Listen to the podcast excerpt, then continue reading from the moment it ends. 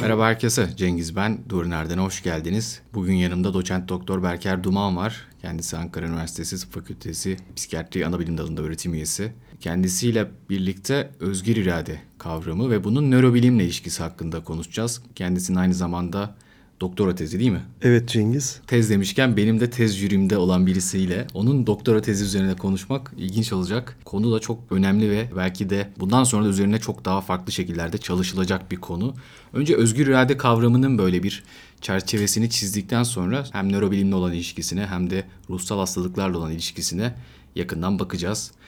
Hoş geldin Berker abi. Ee, hoş bulduk Cengiz. Teşekkür ederim davetin için. İstersen Cengiz özgür irade konuşacaksak öncelikle tanımıyla başlayalım. Yani ne dersin tanımı konusunda? Özgür iradenin tanımını yapabilir misin? Ben kendim zor yaparım abi. Yani kendimce işte karar alırken insanın kararlarının son, sonuçlarını kendinin ilgilendirmesi ya da karar almadığı zamanlarda hani en basit tanımıyla bana böyle geliyor. Şimdi Cengiz şöyle bu konu karmaşık. Karmaşık olduğu için e, özellikle sordum. Sözlüklerde klasik olarak şöyle geçiyor. Kişinin seçimlerini önceki nedenlere veya ilahi müdahaleye bağlı olmadan yapma özgürlüğü olarak geçiyor. Yani klasik özgür irade tanımında kişinin tamamen aynı koşullar altında başka türlü davranabileceği kabulü var.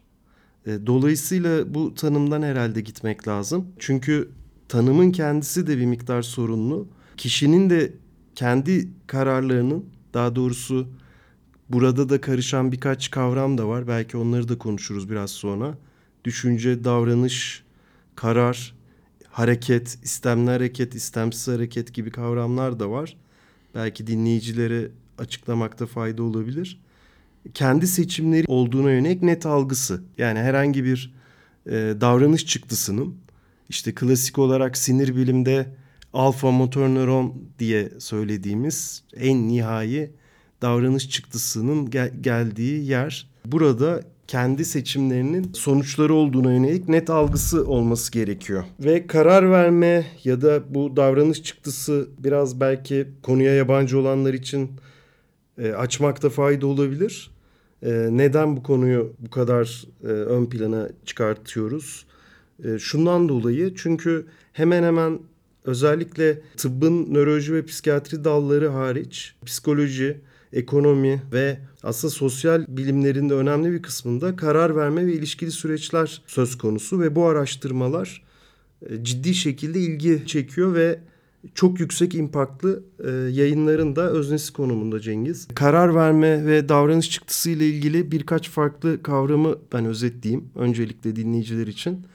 Şimdi e, aslında davranış çıktısının bir ucunda tamamen istemsiz olanlar var. Buna örnek olarak işte refleks döngüsü, refleks arkı verilebilir. Örneğin patella refleksinde belli bir yere kuvvet uygulanınca e, sonuç olarak yüzde yüz e, olasılıkla ne olacağını biliyoruz. Hiçbir karıştırıcı etken yok. E, sinapslar belli ve sonuçta belli. Bu yukarıya doğru çıktıkça yani filogenetik olarak yükseldikçe ve en sonunda da asosyasyon korteksleri dediğimiz nihai sentez yapılan en karmaşık işlemlerin yapıldığı beyin bölgeleri ortaya çıktıkça burada bir karmaşıklaşma ve hareket çıktısının ya da davranış çıktısının öngörülememesi söz konusu oluyor.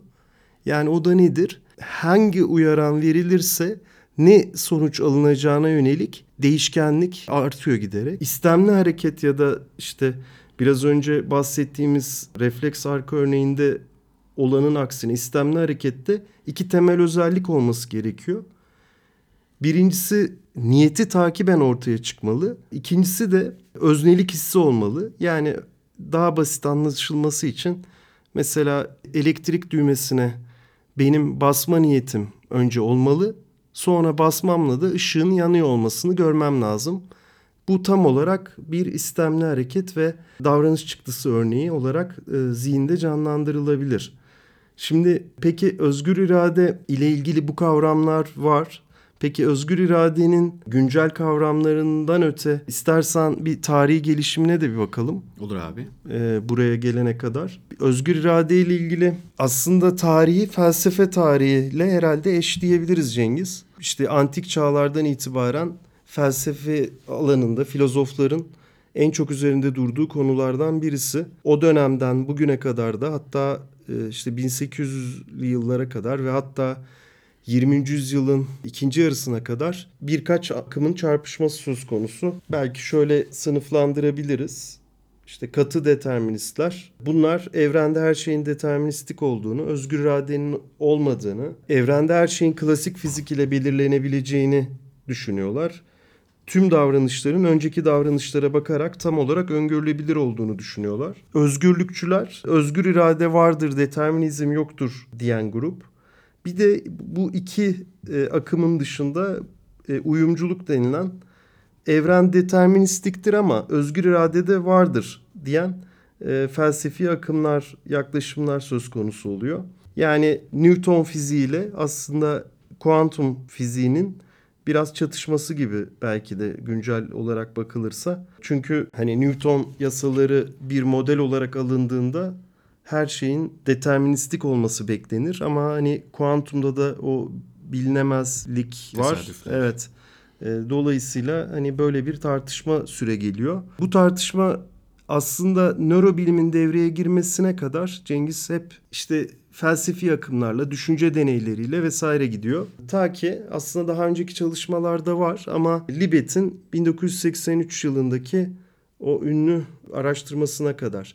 Ondan öncesinde açıkçası bu konu nörobilimin değil daha çok felsefenin ve bazı e, ilişkili bilim dallarının elindeyken artık tamamen e, 1980'li yıllardan itibaren nörobilim araştırmacılarına kayıyor ve ciddi şekilde bu araştırmalar ilgi çekiyor. Biliyorsun bu araştırmaların impact'ı da hemen hemen bilimsel araştırmalar sırasında ilk sıralarda yer alıyor. Güncel literatür ötesinde e, popüler olarak da herhalde en çok ilgi çeken konular arasında yer alıyor. Farklı alanlardan da atıf alıyorlar. Kesinlikle çok farklı alanlardan atıf alıyorlar ve esasında birçok farklı disipline de etki ediyorlar. Yani hukuktan tut da davranışsal iktisata ya da işte e, toplumsal sistemlere, sosyal normlara kadar birçok şeyi belirliyor esasında. Tam olarak da merkezi bir yaşantı olduğu için herhalde bu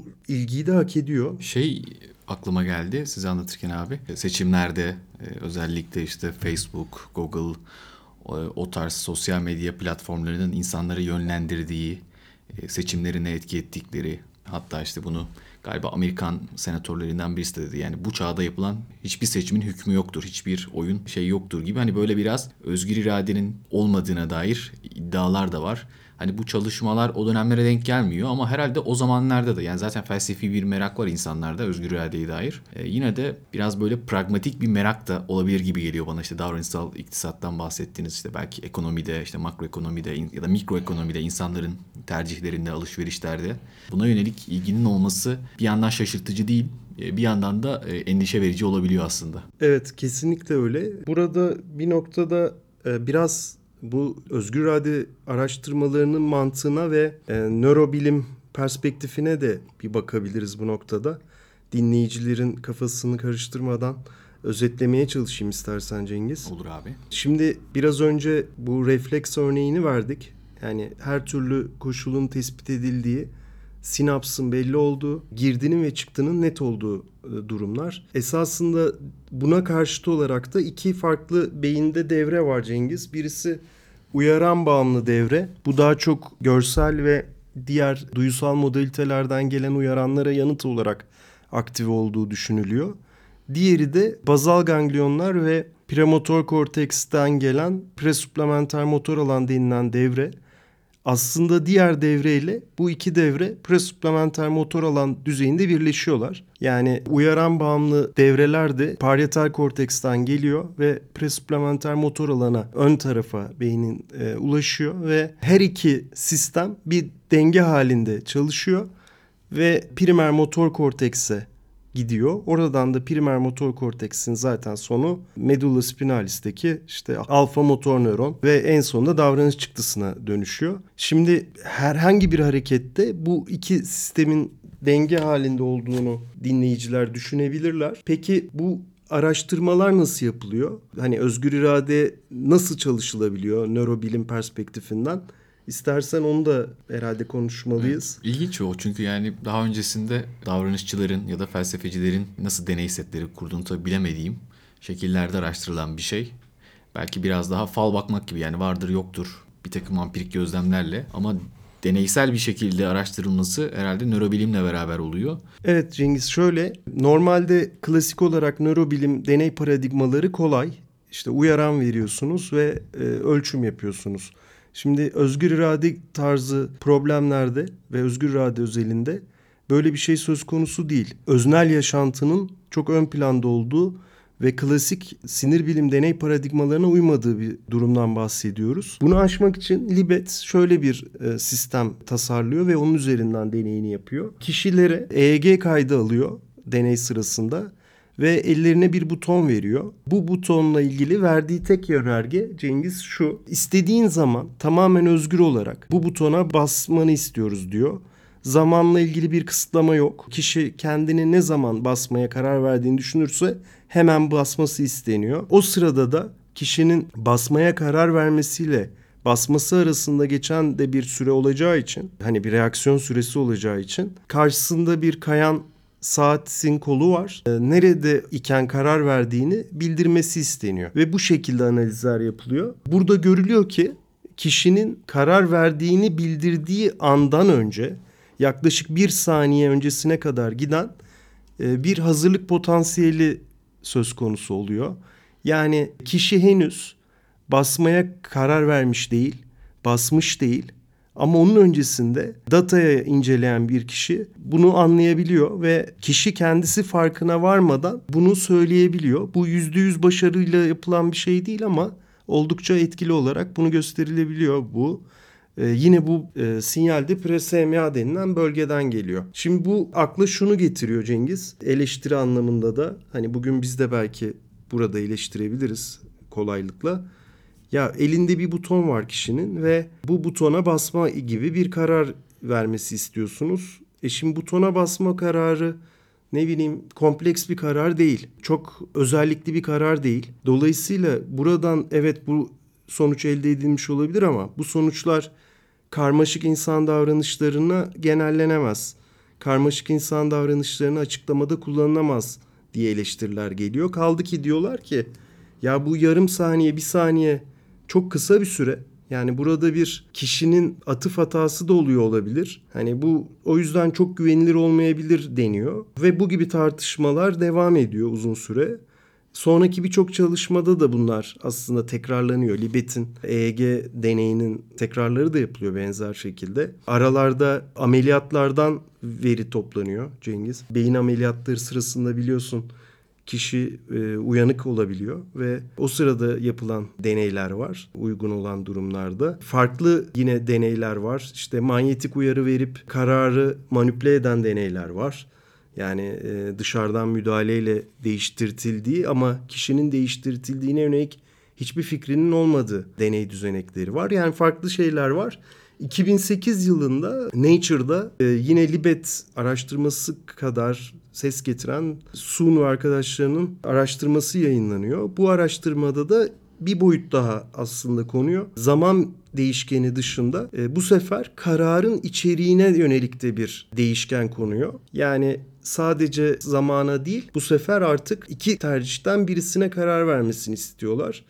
Yani bu deney düzeneğinden de kısaca bahsedersek fMRI çalışması bu. MR çekimi sırasında kişinin sol ve sağ elin altında birer buton duruyor. Burada kişi sola ya da sağa basmaya karar veriyor. Düşünüyor. İstediği bir anda sola ya da sağa basması isteniyor ve kararı verir vermez de yine basması söyleniyor. Buradaki analizler tabi fMRI'da biliyorsun bütün beyinden veri alınıyor ve EEG'den bu yönüyle bir miktar üstün. Bütün beyinden veri alınarak analiz yapılıyor. Tabi karmaşık böyle istatistiksel modellemelerle bu yapılıyor. Ve görülüyor ki 8-9 saniye öncesinde kişinin sola ya da sağa basacağını araştırmacılar anlamlı bir oranda tespit edebiliyorlar Cengiz. Bu tabi bilim dünyasında ciddi anlamda bir şok etkisi yaratıyor. Çünkü daha önceki paradigmalarda, deneysel paradigmalarda 1-2 saniye gibi daha makul ve artefakta açık bir bulgunun ötesine çıkıyor. Artık çok uzun bir zaman aslında önce kararın verildiğini, çeşitli beyin bölgelerinde alındığını ve bu alınan kararların da aslında kişinin o farkındalık alanına servis edildiğini söylüyor. Yani aslında bir çeşit geriye dönük bir ilizyon, yanılsama yarattığı e, düşünülüyor bu deney sonuçlarıyla. Libet'teki şeyi biraz daha kabul edilebilir buluyorlardı yani süreyi. Ama Sun ve arkadaşları çalışmasında artık o mesafe açılınca hani bu işin başka bir açıklaması Evet. olması gerektiğine dair bir kanaat oluştu herhalde. Evet yani Libet'te süre tabii çok yakın olduğu için hani çeşitli artefaktlar falan gündeme geliyor ama artık bu araştırmada tam olarak yok artık gibi bir etki yaratıyor. Tabii yine makalenin yayınlandığı dergide Nature olunca ilgi ve güvenilirlik de çok artıyor. Sonrasında da benzer araştırmalarla bu bulgular tekrarlanıyor. Özgür irade üzerine araştırma yapıyoruz ben kendim de doktora tezim bu alanda yaptım biliyorsun Cengiz. Biz de aslında Sun ve arkadaşlarının araştırmasını bu sefer FNIRS denilen bir başka cihazı kullanarak yaptık. Hemen hemen benzer bir paradigmayı kullandık. FNIRS'ta da işte optik özellikleri kullanılıyor. Nöronal kan akımındaki değişiklikleri değerlendirmede MR'da manyetik özellikler kullanılırken burada optik özellikler kullanılıyor. Biz de yine anlamlı değerlere ulaştık çok güçlü değildi verilerimizin yani bulgularımızın sonuçları. Çünkü bu araştırmalarda ciddi bir gürültü var arka planda. Onu kontrol etmek gerekiyor ama biz de 4-5 saniye öncesine giden kararın süresiyle ilgili 4-5 saniye öncesine giden e, anlamlı bilginin olduğu bir sonuca ulaştık. Bunun da makaleye dönüşümü yönünde çalışmalarımız devam ediyor. Umarız yakın bir zamanda saygın bir dergide yayınlayacağız. Tezimizde elde ettiğimiz verileri Cengiz. Yani e, hani uzun lafın kısası özgür irade yoktura giden bir sonuç bu deneylerden çıkarılabilir mi? Evet yani bu deney bulguları e, açık bir şekilde şunu gösteriyor.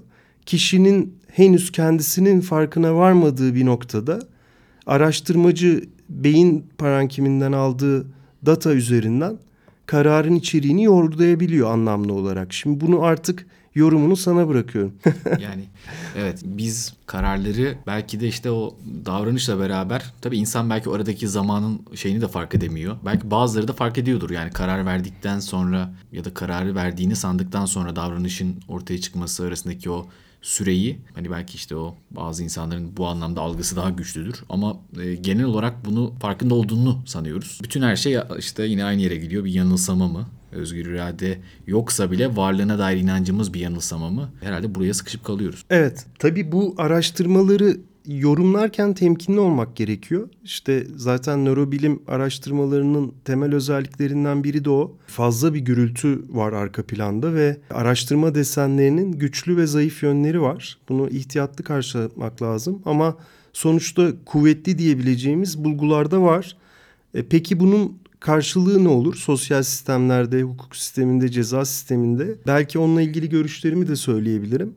Bir defa özgür iradeden öte bir ceza sisteminin olması, ödül ve ceza sisteminin olması Cengiz bir bütün olarak sinir sisteminin davranışını değiştiriyor bir defa. Yani özgür ya da değil. Sonuçta eğer bir davranış sonucunda bir ceza ya da ödül varsa sistemin bir bütün olarak davranış çıktısı değişebiliyor. Dolayısıyla aslında hukuk sistemlerinin bu anlamda varlığı boşa düşmüyor. Yani ceza ve ödül sistemi yine de çalışıyor arka planda. Çünkü o bilinçli farkındalık alanımız olmasa da beynin farklı bölgeleri bunu dikkate alıyor gibi gözüküyor. Bilmiyorum herhalde anlaşılıyor demek istediğim. İkincisi de psikiyatrik hastalıklarla ilişkili yönü.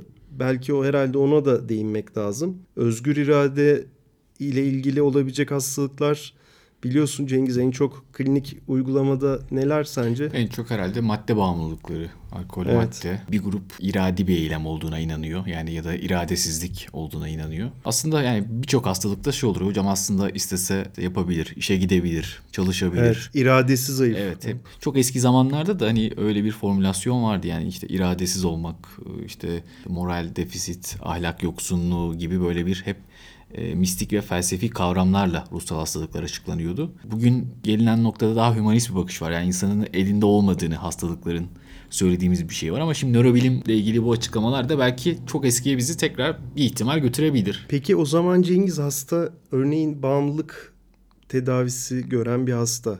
Hocam elimde değil dediği noktada o zaman evet yapılacak hiçbir şey yok demek mi lazım? Yoksa aslında işte biraz önceki Evet tabii e, tabii. yani. örnekten yola çıkarsak pek de öyle değil. Evet. Yani yine tedavinin varlığı, hastanenin, doktorun buna dair bir sistemin varlığını da bilen, kurgulayan bir zihin yapısı var ve o yüzden kendine yine bir yer buluyor herhalde bu kararlar için. Kesinlikle öyle gözüküyor Cengiz. Yani beynin bilinçli farkındalık dışındaki bölgeleri de etkin bir şekilde çalışıyor ve bu çıktıları analiz ediyor gibi duruyor. Dolayısıyla motivasyon arttırıcı yaklaşımlar yani o güdüleyici yaklaşımların yeri var. Yani bu özgür irade biraz kafa karıştırıcı olmakla birlikte temel aslında uygulama üzerinde negatif bir etki yaratmıyor. Onu vurgulamakta yarar var. Bir diğer mesela rahatsızlık herhalde yine bu bağlamda düşünülebilecek olan işte obsesif kompulsif bozukluklar, dürtü kontrol bozuklukları, hatta işte bunun daha uç e, tik bozuklukları. Hani nerede kontrol başlıyor, nerede kontrol bitiyor. Mesela tik bozuklukları için hani şey var ya işte çocukluk yaşlarında başlıyor ama bir yaştan sonra daha kontrol edebildikleri bir döneme giriyorlar. İşte da ergenlikte biraz işte beynin gelişiminin hızlanmasıyla tekrar e, biraz zorlanıyorlar ama tikin ne zaman geleceğini hissettikleri ve o hissi fark edip biraz olsun kontrol edebildiklerine dair bir teori de var. Hani bunlar da belki şimdi düşünüyorum işte o aradaki o 8-9 saniyeyi e, biraz yakına çeken şeyler mi ya da bunların farkına varan şeyler mi? Yani onu kapatamasalar bile böyle bir şey olabilir mi diye düşündüm. Yani tabii bu konularda ciddi bir literatürde boşluk var. Hani kesin bir şey söylemek kolay değil ama bu araştırmalarda bu alanlarda devam ediyor. Bir de ilginç bir şekilde örneğin yani biliyorsun şizofreni de aslında bir çeşit hani disorder of will diye geçiyor. Evet. O da yine belki anlaşılması zor olabilir ama özellikle o istemli hareketi başlatmadaki zorluklar. İradenin eee, kaybı. Evet apatik hal, avolüsyon denilen o durum. Yine şey Ee, somatik passivity. evet, yani evet, evet. Edilgenlik. Evet. Yani orada da aslında ciddi şekilde tam olarak söylediğin gibi o işte bazı sanrıların aslında bu özgür irade bozukluğuyla ilgili olduğu da düşünülüyor. Öyle Cengiz var mı abi? var. Sanrı modelleriyle Var. özgür irade Aha, var. Ee, Gerçekten ilginç. Yani o işte yani başkası tarafından kontrol ediliyorum sanrıları tam olarak özgür irade bozukluğu. O devrenin daha doğrusu o illüzyonun olmayışı ile ifade Yani ediliyor. Anladım. Yani hani biz yine de hani özgür irade olmayabilir desek bile varlığına dair bir inancımız var. Evet, o Ama o illüzyonumuz insanlarda- var Evet. ve o illüzyon muhtemelen faydalı. Çünkü o illüzyonun olmadığı durumda kişi bunu sanrısal yorumlamaya başlıyor muhtemelen. O şizofreni hastalar için hep söylenen şeydir ya aslında biz hep onları işte bir yanılsama içinde bir illüzyon içinde olduğunu düşünürken aslında onlar her şeyi daha gerçekçi gören, daha olduğu gibi gören ve aslında yani dönüp bakınca yanılsamalara ihtiyacımız olduğuna dair bir şey de çıkıyor bir yandan. O da çok garip bir şey gerçekten. Evet gerçekten ciddi güzel bir paradoks. Yani aslında daha ham ve daha belki arınmış bir şekilde değerlendirildiğinde böyle bir sonuca çıkarılması, ulaşılması da doğal. Yani bu illüzyonun kaybı yani o network'ün aslında çalışıyor olduğuna sağlıklı kişilerde bir delil olarak da ifade ediliyor Cengiz. Herhalde bu yönüyle de çok ilginç. Peki abi ağzınıza sağlık. Hani konu herhalde açıkladığı sonuçların yarattığı soru işaretleriyle daha kıymetli bir konu. Yani bir takım soru işaretlerini gidermek için yapılan deneyler beraberinde pek çok yeni soruyu getiriyor. Belki de hani bilim böyle bir şey zaten. Hani bir konuyu son noktayı koymak, kapatmak onu belki de bilim dışı yapan şey. Her zaman bir deneyin tekrarlanabilmesi, tekrarlandığında farklı sonuçların bulunabilmesi, bunların karşılaştırılması. Hani bu son zamanlarda da böyle bir şey var ya insanlar tek bir sonuç istiyor ve o sonuç hani herkesi bağlasın istiyorlar. Bunun bilim olduğuna inanan bir grup insan var. Aslında hani bilim böyle bir şey değil herhalde. O yüzden özgür irade ve onunla alakalı nörobilim çalışmaları da çok fazla soru işaretini getirdiği için gayet bilimsel yönü olan şeyler diye düşünüyorum. Sizin ekleyeceğiniz şeyler var mı abi? Evet kesinlikle haklısın Cengiz. Bu araştırmaların son dönemde artması da umut verici. Çok farklı pozitif çıktıları olabilir. Özellikle e, psikiyatrik ve nöropsikiyatrik rahatsızlıklarda. Tekrar davet ettiğin için teşekkür ederim. Buraya kadar dinleyen herkese çok teşekkür ederim. Kendinize iyi bakın. Hoşçakalın.